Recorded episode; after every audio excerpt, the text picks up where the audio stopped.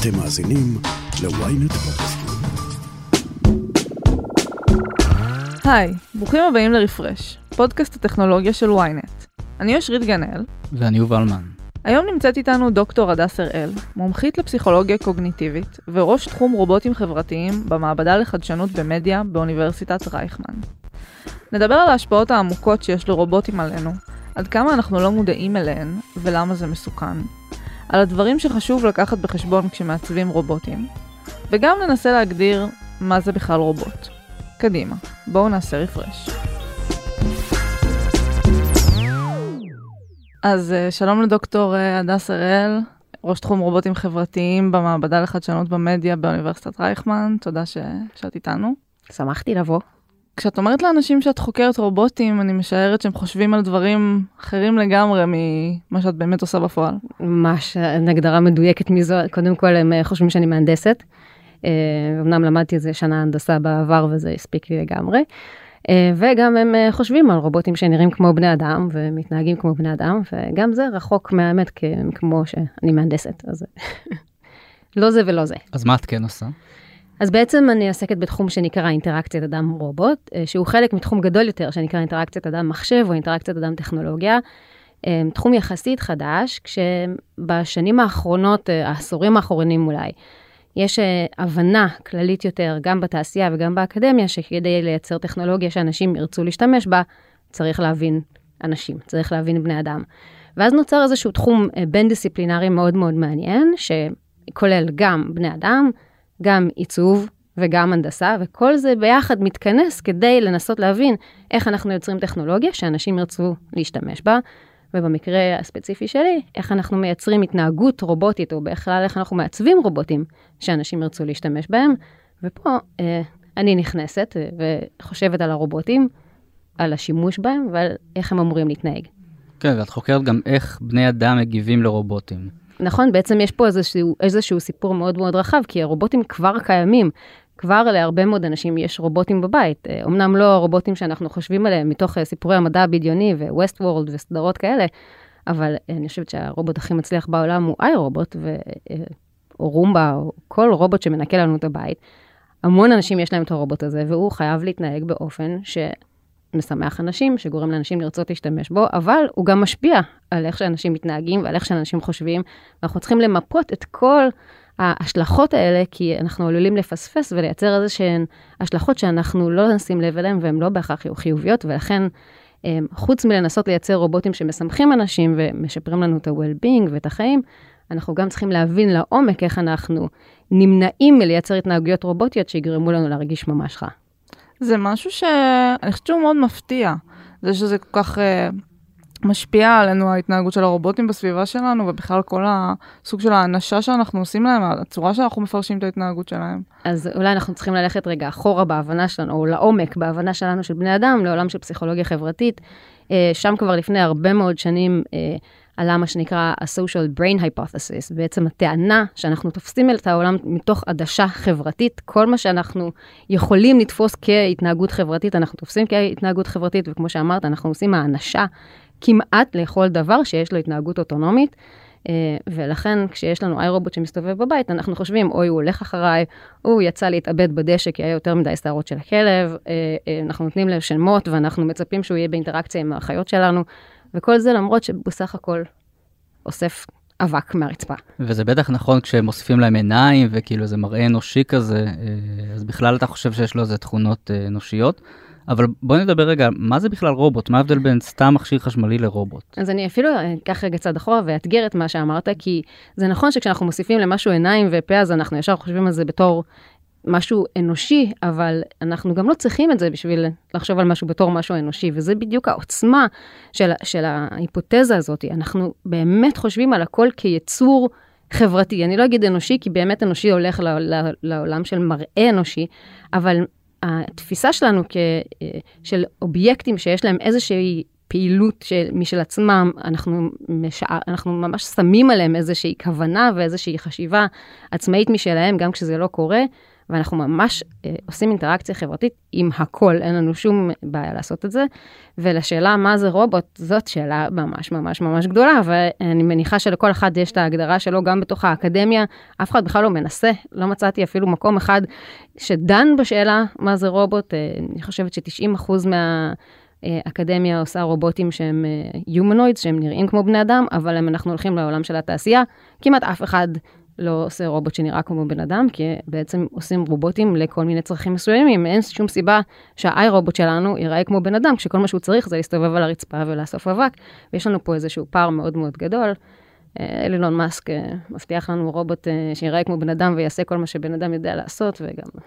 אילון מאסק מבטיח הרבה דברים. כן, יש גם אה, רובוט ישראלי, גרי, ראית את הרובוט הזה? ראיתי את גרי, כן. כן, חצי הומנואידי, והוא גם יודע לעשות כל מיני דברים, יש לו זרועות ויכול לנקות ולאסוף דברים. נכון, ראיתי אותו, אפילו היה אצלנו באוניברסיטת רייכמן, עמד בלובי של הבניין שלנו לפני כמה ימים.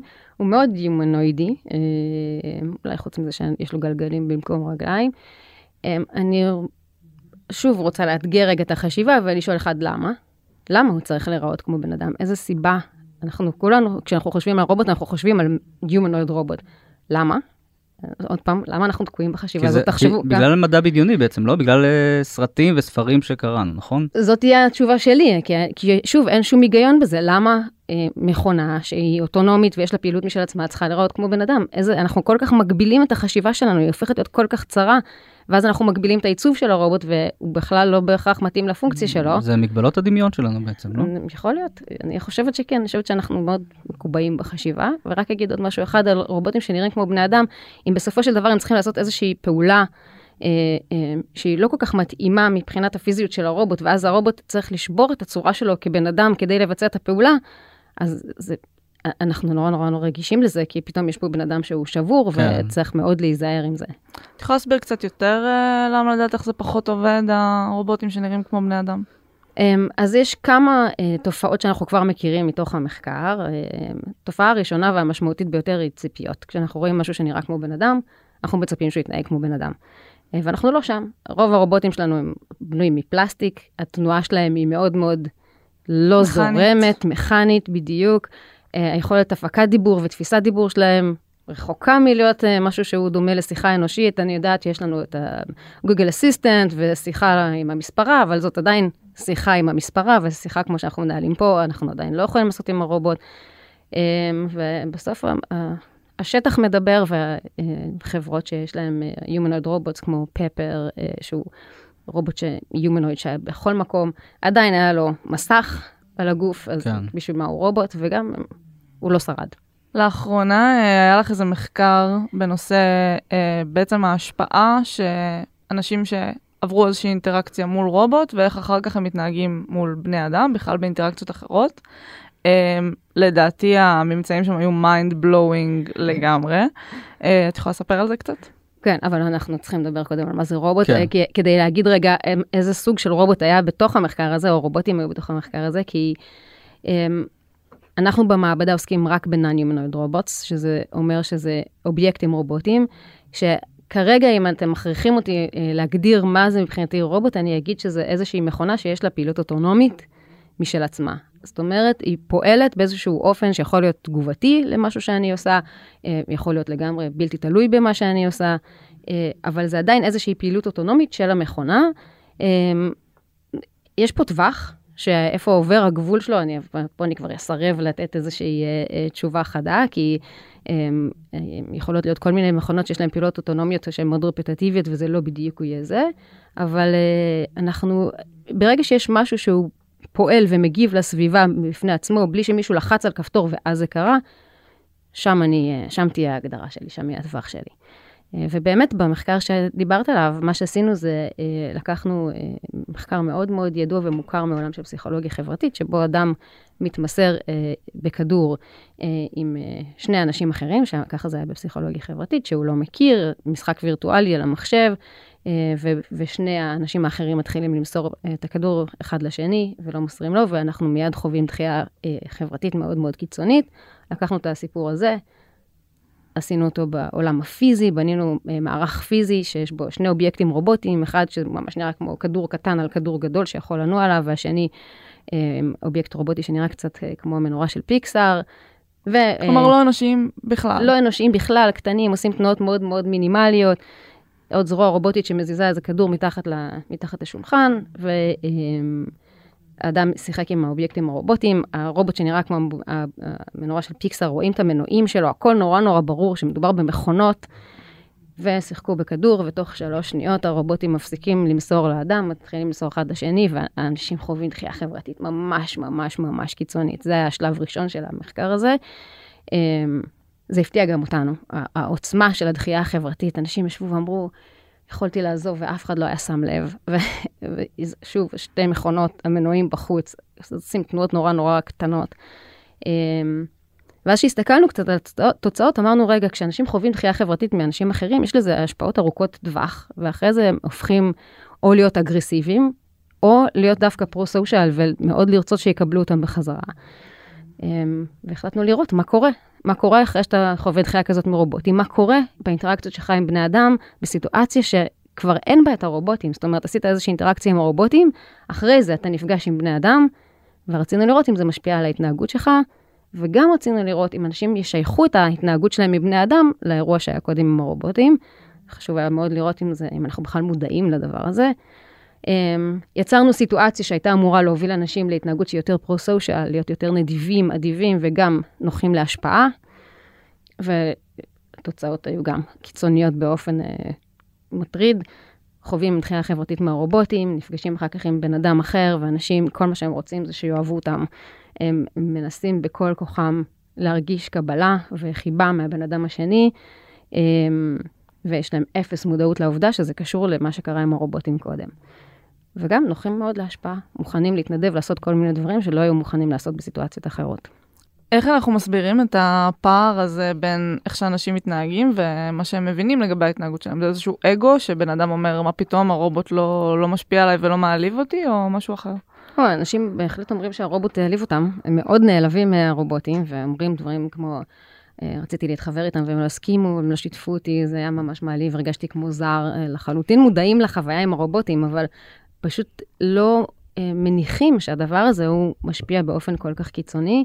אה, יש לנו הרבה, יש הרבה אפקטים כאלה, אימפליסיטיים, חבויים, שאנחנו לא שמים לב אליהם, אה, שהם ממש מעצבים את ההתנהגות שלנו בהמשך. אנחנו פשוט לא מודעים. אוקיי, okay, אז נגיד עכשיו רובוט העליב אותי, מה, מה הולך לקרות לי עכשיו? מה אני עשוי לעשות בעקבות זאת? אז הדבר הראשון שאתה תעשה, אתה תהיה יותר נחמד לאנשים מסביבך. אה, אם אנשים מסביבך יהיו נחמדים אליך בחזרה ואתה תרגיש שיש סיכוי אה, לאיזושהי חוויה של קבלה חברתית, אתה תהיה מוכן לעשות כמעט הכל, תלוי באופי שלך, וכמובן זה אינדיבידואלי, אבל הטווח פה הוא לא מאוד מאוד רחב, אנשים מאוד מאוד מתאמצים שיקבלו אותם ויאהבו אותם. בניסוי שלנו ראינו שאנשים, אה, עשינו סיטואציה של ראיון, הנסיין, העוזר המחקר שלי, ליאור קרסנטי, שהוא ניהל את הריאיון, וביקשנו מהנבדק להביא כיסא פנימה לתוך החדר, ורצינו פשוט לראות כמה רחוק הם מתיישבים מליאור. ומה שקרה זה לא רק שהם התיישבו מאוד קרוב אליו, במקום להתיישב מולו, שזו סיטואציה רלוונטית בתוך ראיון, הם התיישבו לידו, שזה היה כל כך מוזר. הוא, הוא, הוא תמיד יצא מהניסויים, מהראיונות האלה, ואמר לי, זה היה כל כך, אני לא כל כך ידעתי איך להתנהג בסיטואציה הספציפית הזאת, שבן אדם בא ומתיישב לידך, כשאתה אמור לראיין אותו. יושבים מאוד קרוב, זה כאילו, כמעט התיישבו עליו.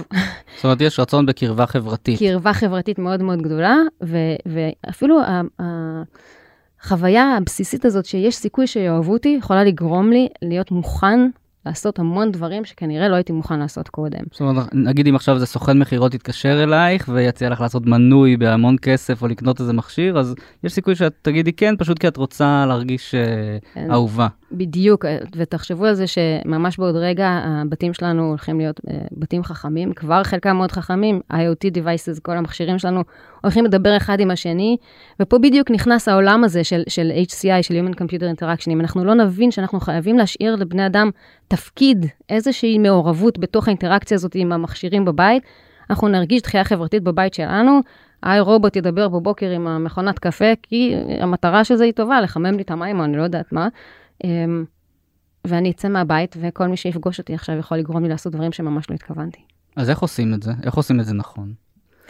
Um, אני חושבת שזה לא מסובך. הדבר הראשון שצריך זה מודעות, ואני חושבת שאנחנו לא מיפינו עדיין בכלל את כל ההשלכות האלה, המורכבות ואפילו השליליות שיש, שעלולות להיות לרובוטים על בני אדם.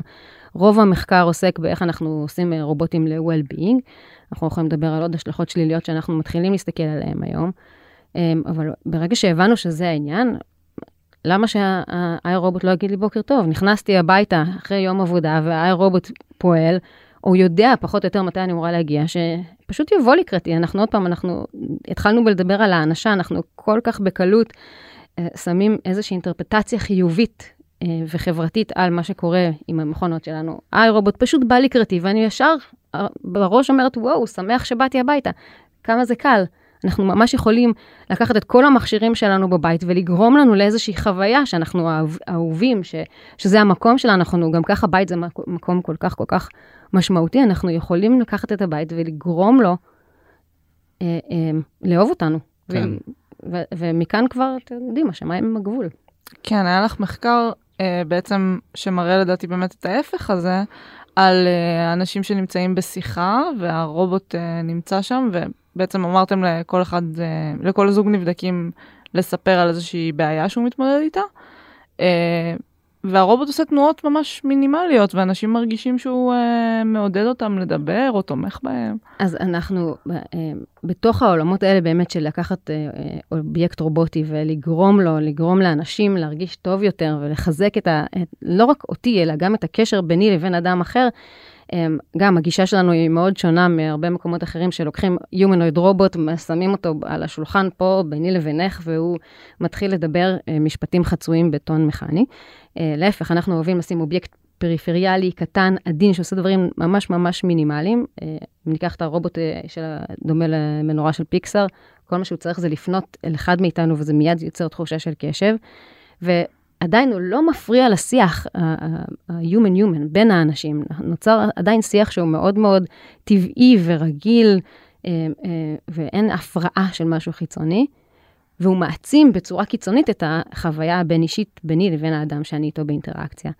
אה, ובסיטואציה המאוד רגישה הזאת, שבה בן אדם אחד מבקש עזרה מבן אדם אחר, מה שעשינו זה לקחנו בהתחלה פסיכולוגית, עבדנו עם פסיכולוגית, שעוסקת בטיפול זוגי, מדהימה, ופשוט ביקשנו ממנה לתווך את הסיטואציה הזאת בכמה שפחות אה, שיח, רק באמצעות גוף, וראינו שהיא כל הזמן פונה, גם כשיש, אה, גם כשאם את מבקשת ממני עזרה, ואני זאת שתומכת, גם כשאני מדברת, עדיין הגוף שלה כל הזמן היה מופנה לכיוון האדם שמבקש עזרה, וזה מה שלקחנו, רק את ה... את ה minimal non-verbal של הגוף. מחוות קטנות. בדיוק, מחוות ממש ממש קטנות שהיא עשתה, ולקחנו את האובייקט הרובוטי הזה, שנראה כמו מנורה של פיקסאר, ובתוך שיח שבו בן אדם אחד מבקש עזרה והשני אמור לתמוך, האובייקט הרובוטי תמיד פנה ועשה מחוות קטנות פיציות של קשב אה, לכיוון האדם שמבקש עזרה. ואז קרו שני דברים, לא רק דבר אחד. האדם שביקש עזרה הרגיש שהוא מקבל יותר תמיכה, אבל זה ממש עשה איזה triggering ל caregiving system של הבן אדם שאמור היה לתמוך, ופתאום ראינו הרבה יותר התנהגויות תמיכה שהרובוט בכלל לא, לא ביצע, הוא לא עשה להם modeling, והאדם שאמור היה לתמוך פתאום עשה יותר הנהונים עם הראש, אה, אה, נתן יותר מקום לשיחה במקום לפתור את הבעיה. היה עסוק יותר בלעודד מילים של עידוד, ו- ונוצר, זה ממש העצים את כל החוויה של התמיכה שהייתה שם. ואז אנחנו אני חושבת שבאופן כללי במעבדה אנחנו מאוד אוהבים את המינימליזם, לנסות לקחת אובייקט רובוטי ולא לנסות לשנות את העולם עכשיו או להכניס עוד מישהו לתוך אינטראקציה, אלא לקחת אה, מחוות מאוד פשוטות של רוב, אובייקטים רובוטיים מאוד פשוטים ולנסות לשפר את המצב. הפסקה קצרה וכבר חוזרים. שלום, כאן עופר שלח. במדינה שבה יש בחירות כל שנה, במקרה הטוב, ופרשה חדשה בכל שעתיים, מישהו צריך לדבר על מה שחשוב לנו, האזרחים. בכל פרק של האמת היא, אנחנו נשוחח עם דמות בחירה אחרת על סדר היום העתידי שלנו כאן בישראל. שזו דרכי להגיד לכם שנדבר על כל מה שחשוב שהפוליטיקה תעשה בשבילנו, אבל היא לא תמיד עושה, לא ברור אם היא יכולה לעשות. אז תעקבו אחרי העונה החדשה של האמת היא בוויינט, ספוטיפיי או באפליקציית הפודקאסטים שלכם. תבואו, יהיה מעניין. האמת היא, עם עופר שלח. עם עופר שלח. בדקתם גם אה, איך אה, רובוטים משפיעים על קשישים, נכון? נכון, אז אה, זה עולם שלם ומעניין. אני אעצור רגע גם, אלך צעד אחורה ואני אגיד שכל עולם המחקר וגם בתעשייה היום אנחנו עסוקים בלהסתכל על זקנה כמחלה וכמשהו שלילי. אנחנו קצת מתעלמים מהעובדה שמדובר באוכלוסייה היום שחיה הרבה מאוד שנים, ואוכלוסייה מאוד מאוד חזקה גם. Uh, בתעשייה מבינים את זה יותר מהר, כי הכסף מעורב באירוע הזה, והוא נשאר היום אצל הזקנים. אני אומרת זקנים במודעות מלאה, אני לא חושבת שזקן זה מילת גנאי, זה הבעיה עם מה שאנחנו שמים על המילה הזאת. Uh, ואנחנו התחלנו להסתכל על זקנה מוצלחת, שזה מושג שבאקדמיה אה, כבר קיים ונחקר, ורצינו לראות אם אנחנו יכולים לקחת אובייקט רובוטי ולתמוך זקנה מוצלחת, דווקא אנשים שהם בריאים וחיים חיים מלאים. אה, יצאנו ודיברנו עם אנשים מבוגרים, קודם כל המטרה הייתה להבין מה האתגרים המרכזיים, באופן לא מפתיע, אחד הדברים הכי חזקים שעלו זה בדידות. אה, לפני כמה שנים הייתי בכנס על זקנה והשוו אה, בדידות, את הנזקים הרפואיים של בדידות לעישון של 15 סיגריות ביום. אז אירוע מאוד מאוד קיצוני. יש כבר הרבה רובוטים שאמורים להיות companions, להיות חברים של אנשים מבוגרים. אני חושבת שרוב האובייקטים הרובוטים שקיימים היום הם לא אובייקטים רובוטים, הם או נראים כמו איזה כלב ים, שהוא נראה כמו בובה שאולי ילד בן חמש היה שמח לקבל. זה מאוד מקובל ביפן, נכון? נכון. הם מאוד אוהבים רובוטים. כן, שם יש אבל עניינים תרבותיים, אה, אה, הוא פותח ביפן, הרובוט הזה קוראים לו פארו, והוא... שם באמת מתקבל באופן הרבה יותר תדיר מאשר אה, בעולם המערבי, פשוט עניין תרבותי לחלוטין. אנשים מבוגרים שאנחנו דיברנו איתם, אה, שהם לגמרי אה, קוגניציה תקינה, לא סובלים מדמנציה, מאוד מאוד נעלבים שמציעים להם רובוט כזה בצדק. גם אתם כנראה הייתם נעלבים אם היו מציעים לכם את הרובוט הזה בתור חבר.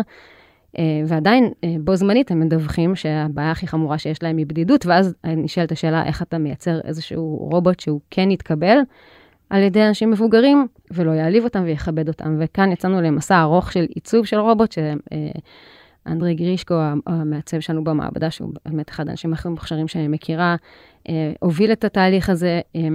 והדבר הראשון שהבנו שחייבת להיות לו פונקציה נוספת, הפונקציה המרכזית שלו לא יכולה להיות חבר, אנשים לא מוכנים לקבל חבר מלאכותי, אבל אם יש לו איזושהי פונקציה משמעותית שאנשים מכבדים וגורמת להם להרגיש טוב, אין להם בעיה שהוא גם יעשה מחוות חברתיות בתור איזושהי secondary function, איזושהי פונקציה נוספת. ועשינו אה, מחקר שלם על מה תהיה הפונקציה הראשית, ראינו ששימור קוגנטיבי ומשחקים קוגנטיביים זה דבר שהוא מאוד משמעותי, ויצרנו רובוט שהוא משחק קוגנטיבי, זאת הייתה המטרה שלו, להיות ממש משחק קוגנטיבי, משחק של אנגרמות, של מילים, אה, בדקנו את זה עם הרבה מאוד מבוגרים, ברגע שאתה אומר שמארבע אותיות אתה יכול לבנות 30 אה, מילים, אנשים מתחילים אה, לחשוב שזה משהו שהוא מאתגר ומעניין, וחוץ מזה, בנינו לו גם התנהגות חברתית, זאת אומרת, אתה גם משחק איתו, אבל הוא גם אומר לך שלום, הוא מסתכל, מסתכל, כן, הוא פונה לכיוון שאתה נמצא בו. הוא כד קידה כזאת, כשאתה מצליח, הוא נכון? הוא כד קידה, והוא יודע לשמוח איתך, והוא, והוא, אבל הוא גם מגיב אליך כשאתה לא משחק, ואז בעצם החוויה היא לא חוויה, הוא לא מדבר, הוא לא מציע לך הצעות, הוא לא אומר לך בוא תעשה, נעשה ככה, תעשה ככה, הוא לא מעביר מידע עליך לאנשים אחרים, הכל מאוד מאוד מינימלי, וזה רק החוויה הזאת שאתה לא לבד בבית, שזה הדבר המרכזי שאנשים מבוגרים דיברו עליו. אתה מגיע הביתה, יש מישהו, משהו ששמח לראות אותך, הוא שם לב כשאתה עובר, אתה לא באיזה ריק, והוא אה, שמח איתך כשקורה משהו, והוא אה, גם עצוב איתך, כשאתה עצוב, ו... וגם משחק, כשאתה משחק. ואז בעצם יש אוסף של חוויות שנוצרות מתנועה ממש ממש מינימלית של אובייקט אבסטרקטי לגמרי, שהעיצוב שלו בכלל מיועד להיות משחק קוגניטיבי. איזה יופי. אם נחזור רגע באמת לנושא הזה של החוסר מודעות של אנשים לגבי איך שהם תופסים, אה, איך שהרובוטים משפיעים עליהם, יש גם איזה עניין בתפיסה שלנו שאנחנו תופסים אותם כמאוד uh, אובייקטיביים, נכון? וזה גם יכול להוביל לצרות. צרות צרורות, לפחות uh, כמו שנראה כרגע. אני חושבת שהמקום המרכזי שאנחנו יכולים להתחבר אליו זה uh, עולם של AI bias, uh, מושג שהיום אה, תופס הרבה מאוד תאוצה. הטיה של בינה מלאכותית. בדיוק, שבעצם אה, אנחנו מכירים את זה לא דרך העולם של רובוטים, אלא טכנולוגיה באופן כללי. היה איזה סרט בנטפליקס, שבעצם מה שקורה עם בינה מלאכותית זה שהמערכת וטכנולוגיה לומדת על סמך הרבה מאוד דוגמאות מבני אדם. אבל אם היא למדה מהרבה מאוד דוגמאות של בני אדם, בתוך הדוגמאות של בני אדם יש את כל הסטריאוטיפים וההטיות שיש לנו בתור בני אדם. ואז אנחנו לוקחים איזשהו מאגר נתונים מוטה לחלוטין בהתאם להטיות שיש לנו בתור בני אדם, מלבישים אותו על טכנולוגיה שנתפסת כאובייקטיבית, ובום, הצלחנו לייצר באופן מיידי טכנולוגיה לא אובייקטיבית שנתפסת כאובייקטיבית וזאת סכנה גדולה, וכשאנחנו מלבישים את זה על אובייקט רובוטי או רובוט, שהוא לא מתווך על ידי בני אדם, אלא הוא agency בפני עצמו ואנחנו תופסים אותו כישות נפרדת, שם מתחילה קטסטרופה עוד יותר קיצונית. אז מה גיליתם? אז לקחנו אה, את אחד הסטריאוטיפים הכי מוכרים שאנחנו נלחמים בהם כבר שנים ארוכות, ויהיה מאוד חבל לאבד את כל ההתקדמות שעשינו, אה, כל העולם של אה, מגדר וגברים ונשים. יצרנו סיטואציה של debate בין גבר לאישה. אמרנו לנבדקים בתחילת ה... אני רק אגיד שזו עבודת תזה של תום חיטרון, שהוא אה, אחד הסטודנטים המבריקים שלנו. תום אמר לסטודנטים, לסטודנטים שהגיעו כנבדקים, שהרובוט אה, יתווך וינהל את ה debate, ושהוא למד על סמך הרבה מאוד דוגמאות של אנשים שניהלו debateים בעבר. אז נתנו את האינפורמציה, זה לא שאנשים היו צריכים להבין את זה לבד. זה ואנחנו... רמז כזה.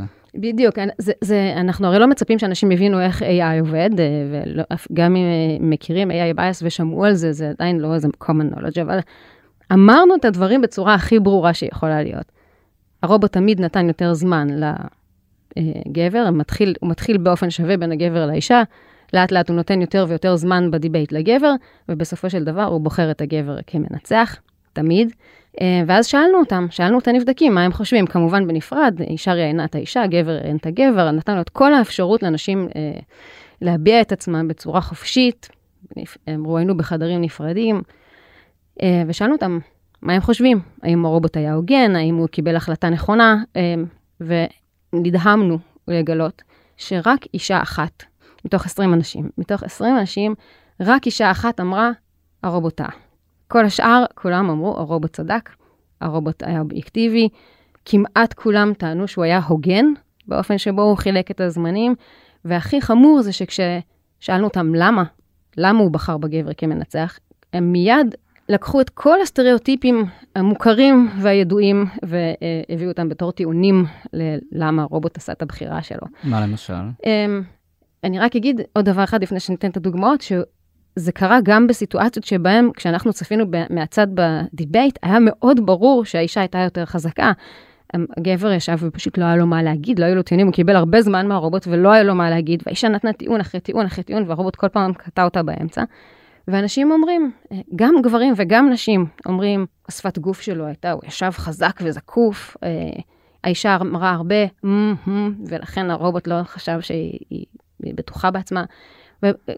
אוסף של דברים לא רלוונטיים, ועדיין השתמשו בהם בתור טיעונים ללמה הרובוט הזה צדק, תפסו אותו כאובייקטיבי, וכששאלנו אנשים אם הם חושבים שזה רעיון טוב, שהרובוט הזה, נשלב אותו בחיי היום-יום שלנו, אז אנשים אמרו, אה, כן, זה רעיון מצוין, הוא לא יהיה מוטה.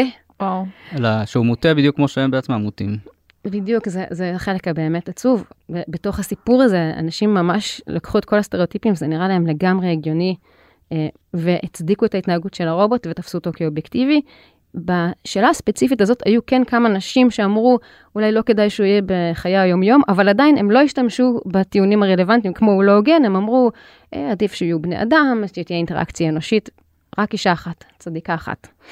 ולמה זה קורה? כי אנחנו חושבים שמכונות הן אובייקטיביות, כי הן אה, יודעות לעשות חישובים שבני אדם לא יודעים לעשות, אז הן לא מוטות והן אובייקטיביות. אני חושבת שהסכמה שיש לנו בראש, כמו שאתה אומר, למכונה כישות אובייקטיבית, שלא, אה, אי אפשר להטות אותה, אה, זה משהו נורא נורא קל והגיוני עבורנו, ולעשות את כל התהליך של להבין שיהיו פה דוגמאות אנושיות, והדוגמאות האנושיות מוטות וכולי, זה משהו הרבה יותר מורכב, שאנחנו לא, לא הולכים את כל הדרך הזאת. ולכן אני חושבת שזה לא הגיוני לצפות שאנשים, תהיה להם את היכולת להתמודד עם הטיות כאלה של טכנולוגיה, ובמיוחד כשאנחנו מדברים על רובוטים שהם ממש מקבלים איזשהו agency והם נתפסים כמשהו עצמאי ואובייקטיבי ויחידה אחת שעומדת שם ואף אחד לא אמור לתווך את ההתנהגות שלהם.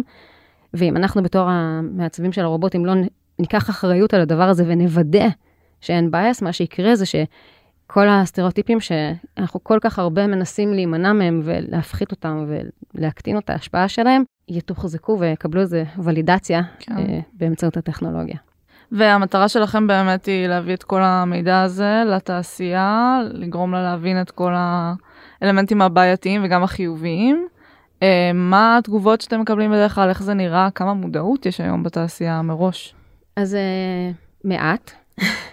מעט, אבל זה תחום יחסית חדש, וכן אני יכולה להגיד שאפילו המדינה היום אה, מתחילה אה, לתמוך בשיתופי פעולה בינינו לבין התעשייה, אנחנו עכשיו חלק ממה שנקרא מאגד מגנט של הרשות לחדשנות, יחד עם כמה אקדמיות וכמה חברות מהתעשייה, שכל המטרה של המאגד הזה זה לשתף פעולה בתחום הזה של Human Robot Interaction, זאת אומרת, אנחנו לא אמורים לפתח רובוטים חדשים, את זה התעשייה מביאה, אבל אנחנו באקדמיה אמורים לעצב התנהגות לרובוטים, אם אתם רוצים ומעניין אתכם, אני יכולה לתת דוגמה לאחד הפרויקטים שאנחנו עומדים לעבוד עליהם, אה, עם חברת Seamless Vision רובוט שכבר נמצא היום בתל השומר, שעוד פעם, אני לא יודעת אם אנשים יודעים, אבל יש הרבה רובוטים בתל השומר.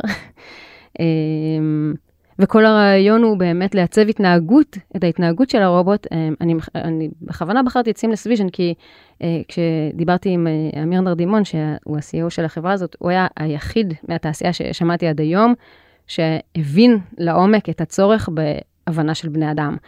והוא אמר לי, אני אהיה אחראי על ה, איך הרובוט ידע להסתובב, לפנות, להתנהל, ב, לנווט, אבל זאת לא תהיה הבעיה. הבעיה תהיה מה יקרה כשיתקרבו אליו בני אדם. ושם אנחנו נכנסים. אז מה התפקיד שלכם בעצם?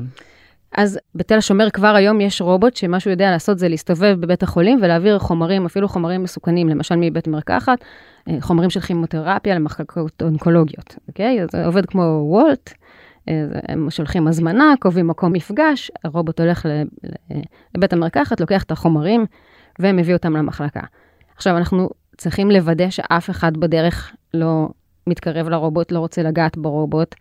אה, ולא נוגע בחומרים המסוכנים, ומצד שני, כשהרובוט מגיע לעמדה במחלקה, חייבים לקחת ממנו את הדברים, אז הוא צריך לתפוס את הקשב של האנשים, ושהבן אדם הרלוונטי אכן אה, יקבל את החומרים. ועכשיו אנחנו, השאלה איך אתה מייצר התנהגות כזאת, שכשהוא הולך במסדרונות, ויש אנשים מולו, הוא מאוד מאוד נזהר, הוא יכול להירתע. אם דיברנו קודם על איי רובוט שיבוא לקראתי, אם אני מתקרבת לכל אובייקט והוא נרתע ממני והוא טיפונת אחורה, בקצב מאוד מאוד ספציפי, אני מיד מפרשת את זה כוואו, אל תתקרב אליי.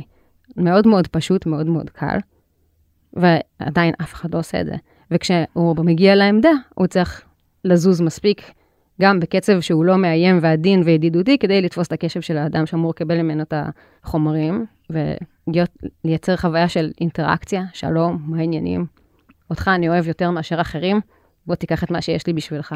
את יכולה לתת עוד אה, דוגמאות לאינטראקציות מול התעשייה? כן, למשל, אמ, יש לנו אה, אה, פרויקט עם חברה שנקראת קוגניטים, שיש להם איזשהו אובייקט רובוטי שנראה כמו מין איי רובוט גדול, כשכל הרעיון עכשיו זה איך אתה מנווט בין אנשים ומייצר איזושהי חוויה שהיא חוויה שהיא תגרום לאנשים לתת לך עזרה כשאתה צריך.